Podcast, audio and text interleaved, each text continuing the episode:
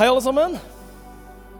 Hei, jeg heter Adrian Røsby, er en av pastorene her og har gleden av å snakke om å gi.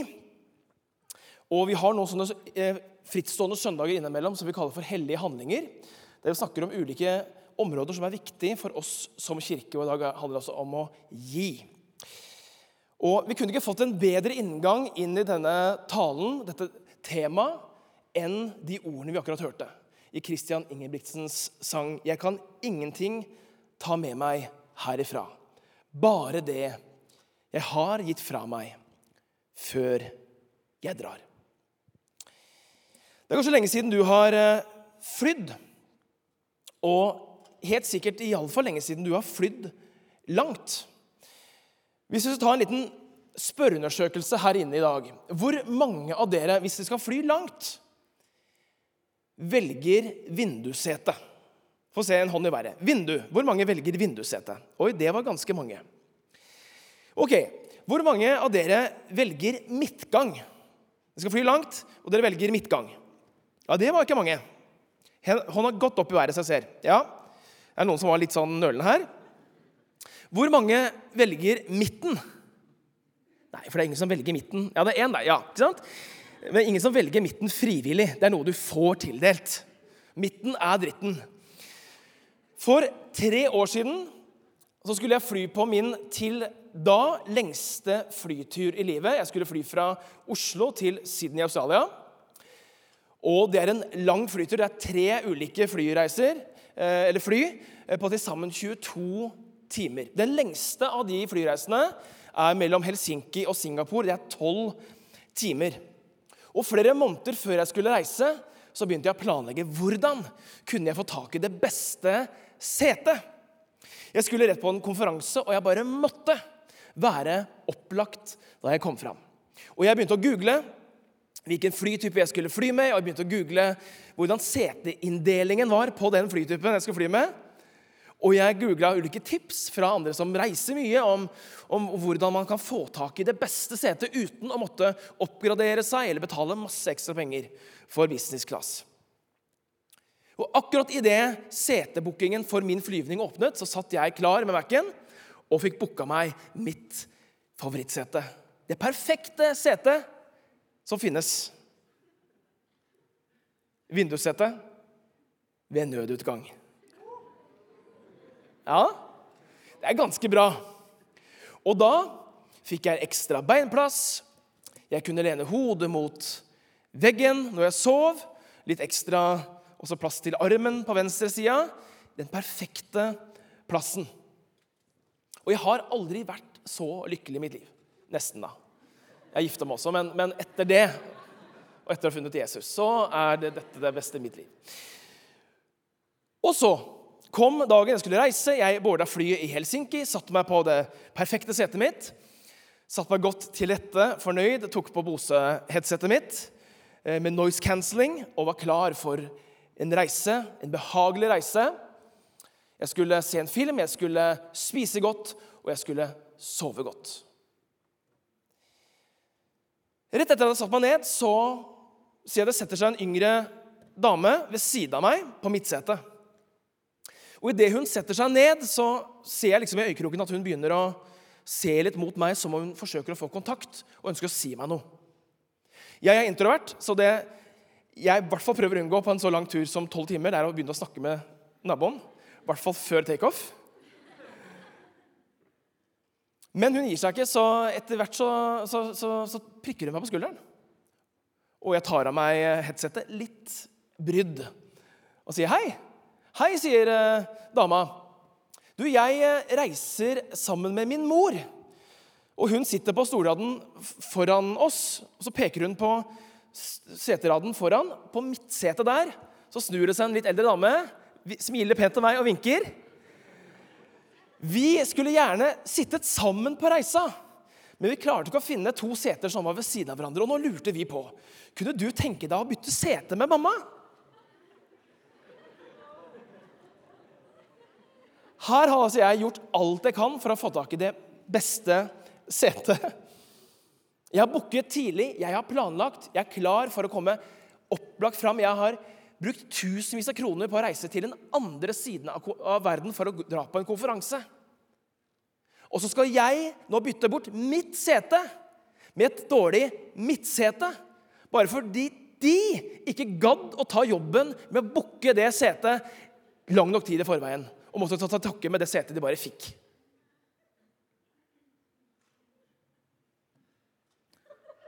Vet dere hva jeg svarte?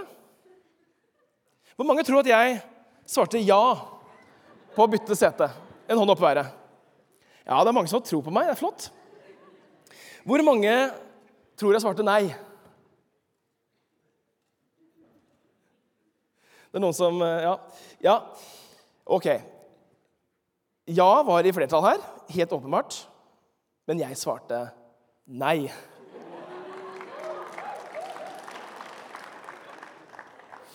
Og jeg, jeg, jeg, ikke, jeg, er ikke helt enig med meg selv om det bare var utrolig kult gjort, eller det verste jeg har gjort i hele mitt liv. Men du kjenner følelsen når da jeg sa nei, og du liksom ikke tør å se til høyre hele flyturen.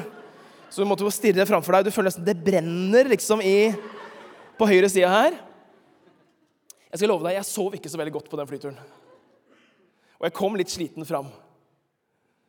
Men jeg fikk i hvert fall vindussete. Og Det er gjort forskning på dette at verden kan deles inn i to grupper mennesker. Det er de som foretrekker vindussete, og det er de som foretrekker midtgang. Og En psykolog som heter Becky Spellman, har sagt om de som foretrekker vindusplassen, at det er mennesker som liker å ha kontroll. Tenk det, du. Du som løfter hånda nettopp.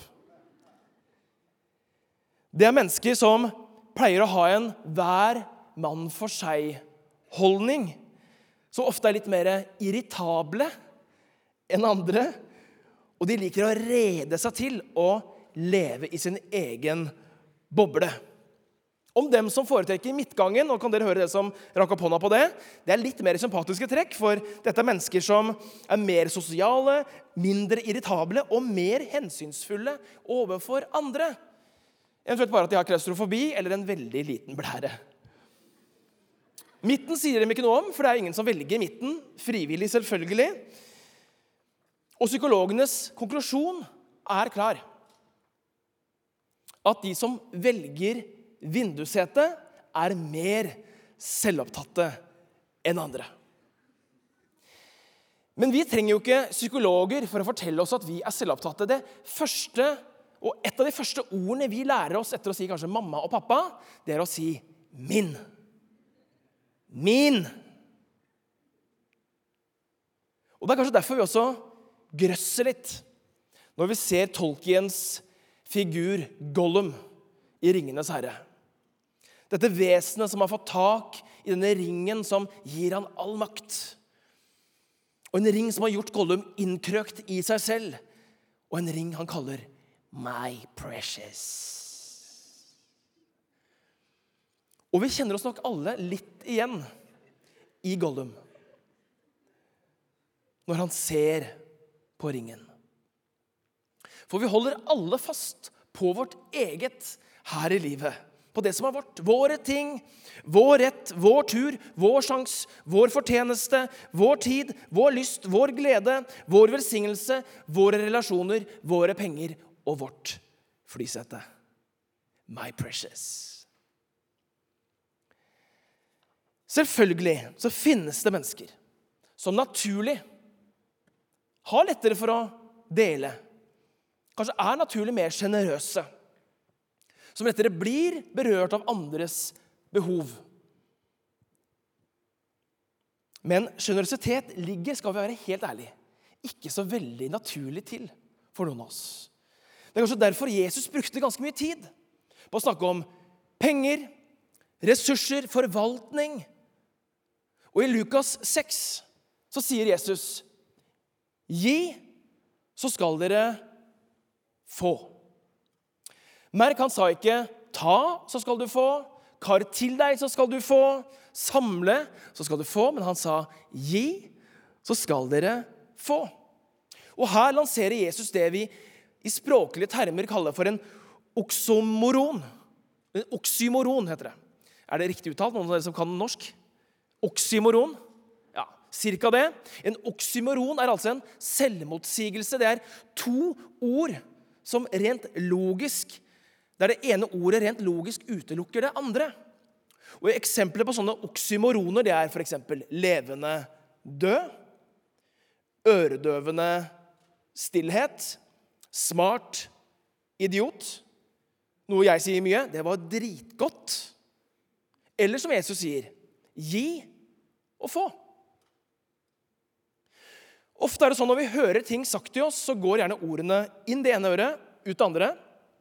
Jesus bruker en sånn oksymoron i denne sammenhengen for å vekke tilhørernes interesse. For å få dem til å stanse opp, og for å få dem til å reflektere over det han sier. Og så fortsetter han. Gi, så skal dere få et godt mål. Sammenristet, stappet og breddfullt skal dere få. I fanget. Og Jeg vet ikke om du har et forhold til disse begrepene sammenristet, stappet og breddfullt. Men på Jesu tid så var det ikke uvanlig at en bonde som hadde arbeidsfolk som slo kornet, at han ba dem om å la det være igjen litt korn i kanten og i hjørnene av jordet.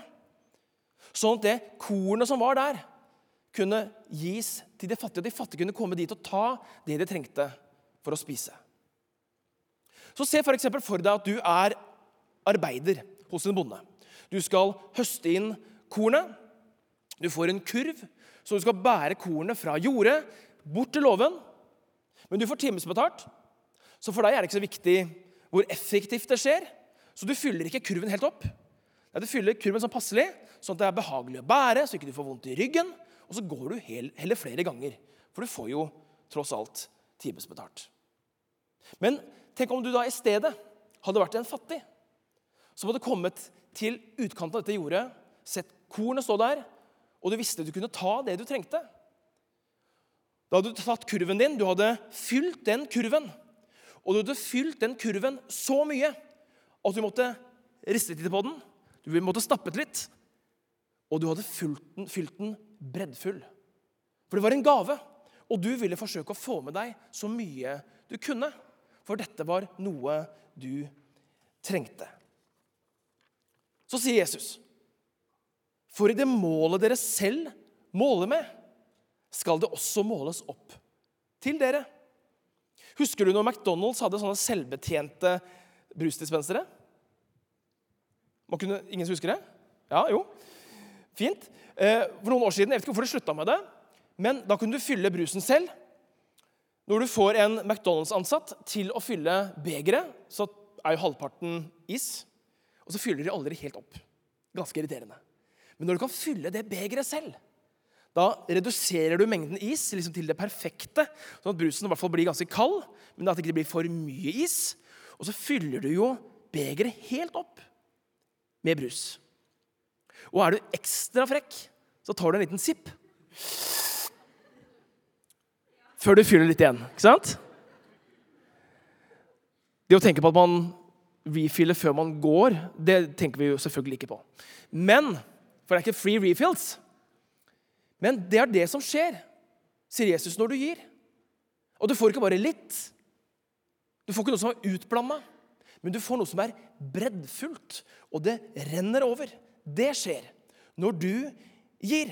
Og i våre ører så kan det høres litt sånn selvmotsigende ut. Men ifølge Jesus så er dette en åndelig lov. At den som gir, den får. Så da er jo spørsmålet hva er det vi egentlig får? Hva er det vi får igjen? Er det sånn at Om vi gir penger til Gud, så får vi de samme pengene igjen litt senere, men bare med renter. Hva er det vi får igjen? Det svaret skal ikke jeg svare på. Men vi har med oss en som heter Kjersti Grønseth. Hun var med oss litt tidligere i dag. Hun kunne dessverre ikke være her rent fysisk, men hun skal snakke til oss på en film eller video hun har spilt inn.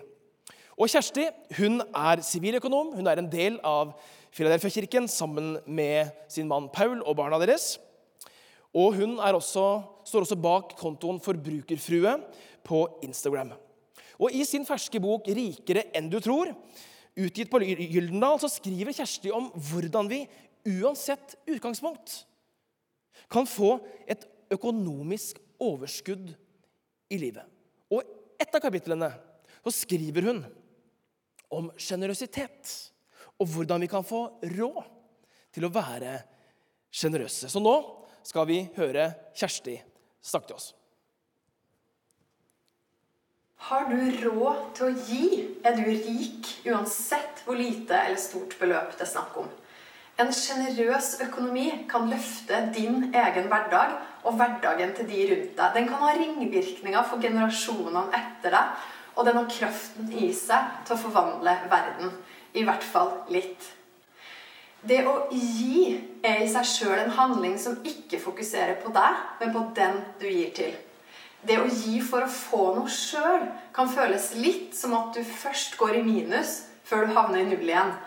Du gir ikke nødvendigvis for å få. Men du kan likevel forvente ganske mye tilbake når du velger å gi av dine penger til noen andre. For det første du føler deg bedre.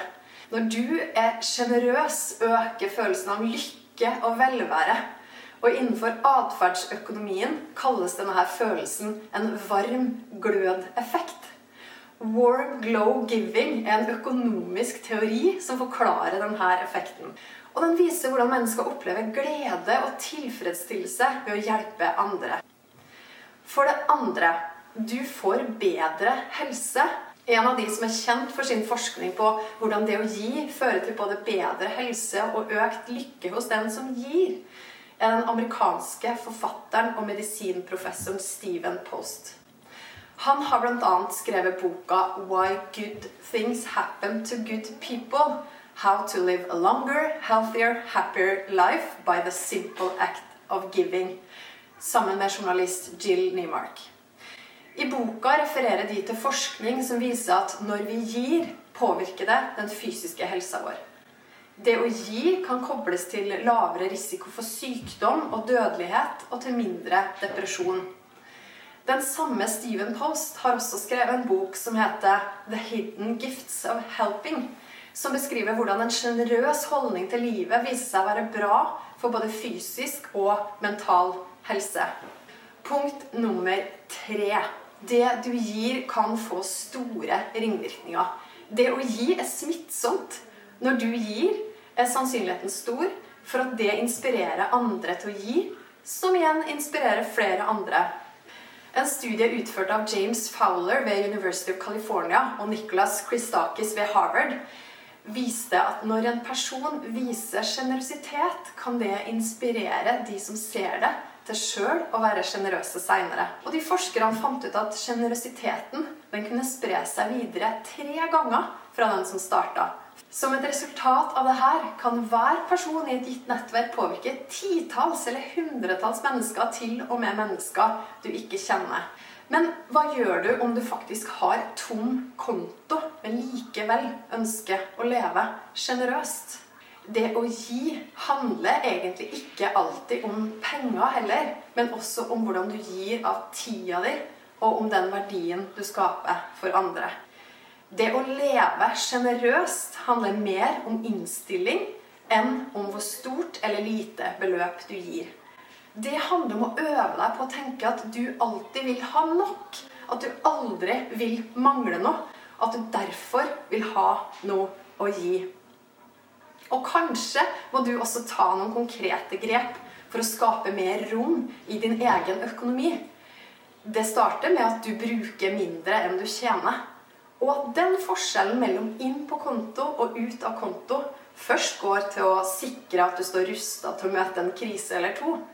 Så betaler ned gjeld så du skaper større frihet for deg sjøl, før du etter hvert kan bygge opp en formue over tid, realisere store drømmer og gi muligheter til generasjonene etter deg, eller til noen et helt annet sted i verden. Men husk at på veien dit så vil du også alltid kunne finne den 50-lappen du kan vippse til en venn som trenger en kaffe på vei til jobb, eller en blomst på vei hjem. Du vil kunne skape rom for de små øyeblikkene, som ofte er det som forandrer verden aller mest. Der, ja. Det var Kjersti Grønseth. Det er godt å få råd av en siviløkonom, ikke bare en pastor, når det gjelder økonomi. Og Kjersti hun sier at man kan gi seg rik. Det er ikke tvil om at vi nordmenn gir mye.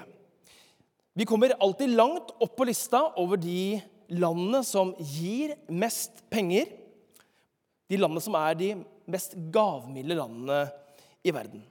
Men kanskje ikke så høyt som vi skulle forvente, gitt vår rikdom. For før oss på lista kommer langt fattigere land, som Indonesia, Myanmar og Thailand.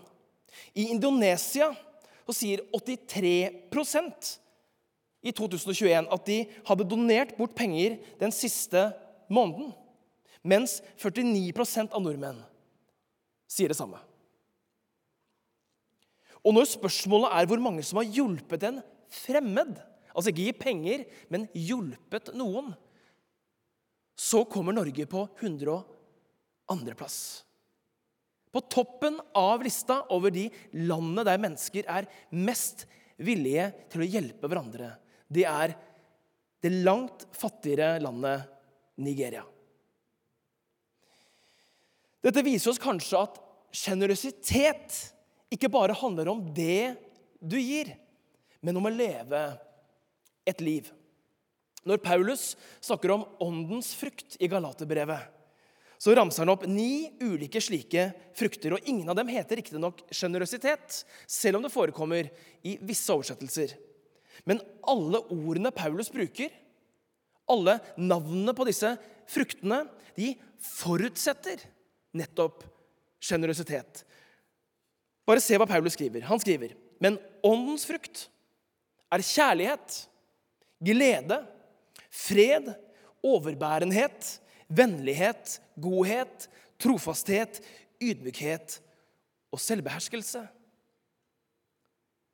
Sjenerøsitet er altså ikke ett av ordene, men det er en forutsetning.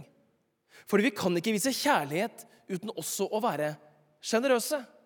Vi kan ikke glede andre uten å være sjenerøse. Vi kan ikke skape fred uten å være sjenerøse. Vi kan ikke være overbærende uten å også være sjenerøse. Vi kan ikke være vennlige uten å være sjenerøse. Vi kan ikke vise godhet uten å være sjenerøse. Vi kan ikke vise trofasthet uten å også være sjenerøse. Vi kan ikke vise ydmykhet eller selvbeherskelse uten også å være sjenerøse. Nei, åndens frukt forutsetter sjenerøsitet. Og en kristen, sier Paulus, kjennes på frukten. Ikke frukten av å ha, ta eller få, men frukten av et liv som leves med en sjenerøs holdning. Å gi, det kan vi jo gjøre en eller flere ganger i løpet av livet. Og det hender vi blir beveget, og at vi gir enkeltgaver til en god sak. Vi gir penger til TV-aksjonen eller til en sultkatastrofe eller til en venn i krise. Alt dette er viktig og bra. Men Sjenerøsitet handler altså ikke bare om å gi, men det handler om å leve et liv. Eller sagt på denne måten Sjenerøsitet er ikke en engangshendelse, men det er en daglig bestemmelse. Og et sånt liv er ikke en frukt av veldedighet eller enkeltdonasjoner. Nei, det handler om en livsholdning. Så la meg nå mot slutten oppsummere dette med å gi deg tre punkter. Tre gode grunner til hvorfor gi. Er du klar? Første grunnen det er at alt er en gave fra Gud. Gud selv er vårt forbilde på hvordan man skal gi. Gud ber oss altså aldri om å gjøre noe som han selv ikke har gjort først. Johannes 3, 16 sier, for så høyt har Gud elsket verden at han ga sin sønn, den enbårne, for at hver den som tror på ham, ikke skal gå fortapt, men ha evig liv. Så vi gir ikke til Gud fordi han først og fremst krever det. Nei, vi gir til Gud fordi han først har gitt det. Det er ikke sånn at vi gir litt av vårt til Gud, men med forståelsen av at alt i utgangspunktet kommer fra Gud så gir vi ikke han det som er vårt, men vi gir han tilbake det som egentlig er hans. Ser du forskjellen? Og med denne forståelsen så ser vi at både tiden vår, prioriteringene våre, pengene våre, energien vår, alt egentlig kommer fra Gud. Og han som elsket oss først, skal vi sette først i våre prioriteringer og med våre penger. Det andre punktet er at alle har noe å gi. Og Kjersti snakket fantastisk om at ikke det handler om størrelsen på det du gir, ikke på beløpet du gir. For man kan både forstå hva du kan gi, men også planlegge økonomien for å kunne få mer å gi. Paulus sier i 2. Korinterbrev 9,17 at enhver og dette leste Andreas også i stad, enhver skal gi som han har bestemt seg til. Ikke med ulyst eller av tvang, for Gud elsker en glad giver. Så gjør du det ikke med glede. Ikke gjør det i det hele tatt, sier Paulus.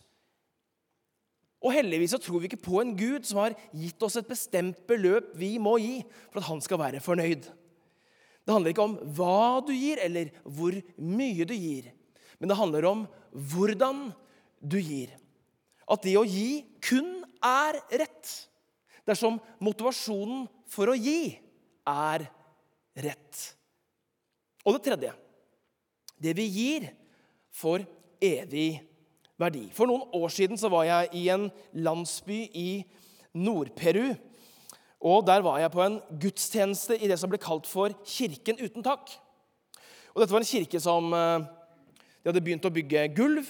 De hadde satt opp noen vegger, men var ikke, veggene var ikke ferdige. Det var ikke noen noe dører, ikke noen vinduer, og de hadde ikke noe tak. Men aldri har jeg sett så mye glede på et sted som der. Og etter talen, når det var lovsang, så dansa pastoren så mye at den lysegule, lysegule skjorta hans ble mørkegul i løpet av den lovsangseansen. Og da vi skulle dra, så kom de av takknemlighet for at vi hadde vært på besøk, så kom de med to levende kalkuner og ga meg og sa at dette skal du ha, så takk for at du kom. Og jeg er født i Groruddalen eh, og vokste opp i Groruddalen og, og vet jo ikke hva man gjør med to levende kalkuner. Men jeg fikk beskjed av de jeg reiste sammen med, at du, David, du må ta imot. For det er veldig uhøflig og krenkende hvis du sier nei takk til en gave. Så jeg måtte ta imot. Og vi la disse kalkunene, levende kalkunene i bilen. Eh, og så fikk vi gitt de til noen da, som visste hva man gjorde med sånne kalkuner. Så det kom noen til nytte. Men den historien er et eksempel på at noen av de fattigste menneskene jeg har møtt i mitt liv, også har vært noen av de mest sjenerøse menneskene jeg har møtt i mitt liv. For det fantastiske med sjenerøsitet det er at alle har noe å gi. Det er noe alle kan gjøre, det er noe alle kan ta del i. Uansett hvor stor lommebok du har. Og så har jeg erfart i mitt liv at det har ikke vært automatikk i at desto mer jeg har fått, desto mer har jeg gitt. For det var ikke enklere for meg å gi penger Det har ikke blitt enklere for meg å gi penger etter at jeg fikk fast jobb, eksempel, enn den gangen jeg var student og fikk studielån. Selv om sjenerøsitet er et kall til alle mennesker, så tror jeg allikevel at det er et økende ansvar. Et ansvar som øker i takt med jo mer vi får. Og Vi trenger ikke å tenke på skipsredere for å tenke på rike mennesker. Nei, er du her inne, så er det blant en ganske liten prosent av de rikeste menneskene i denne verden. Bare ved at du bor i Norge, bare at du er født i Norge, bare at du er en del av det norske samfunnet. Og vi er rike uten engang å tenke over det. Antagelig sto du opp i dag uten å tenke en tanke om at du er rik. Stemmer det? Jeg tenkte ikke på det. Eller gjorde jeg, for jeg forberedte tallen. Men du, du tenkte ikke på det, antagelig. Og sånn er det å leve i et godt land som Norge. Vi er så vant til vår velstand, vi er så vant til vår rikdom at det er som en fisk som ikke tenker over at han svømmer i vann.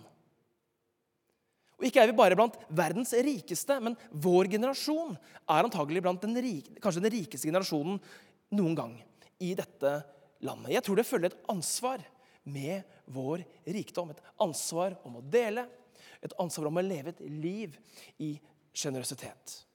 Så til slutt. Sjenerøsitet er ikke en engangshendelse, men en daglig bestemmelse.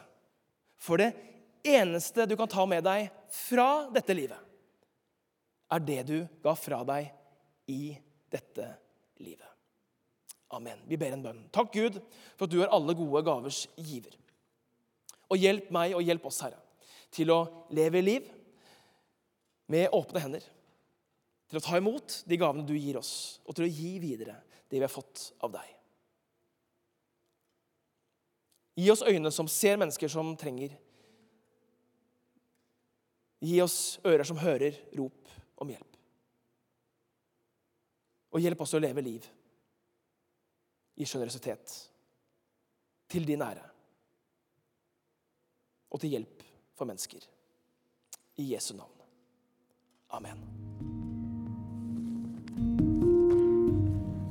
Du har nå hørt en podkast fra Filadelfia-kirken i Oslo. Vil du vite mer om oss, gå inn på filadelfia.no. Og ikke minst velkommen til å feire gudstjenester med oss hver eneste søndag, enten fysisk eller online.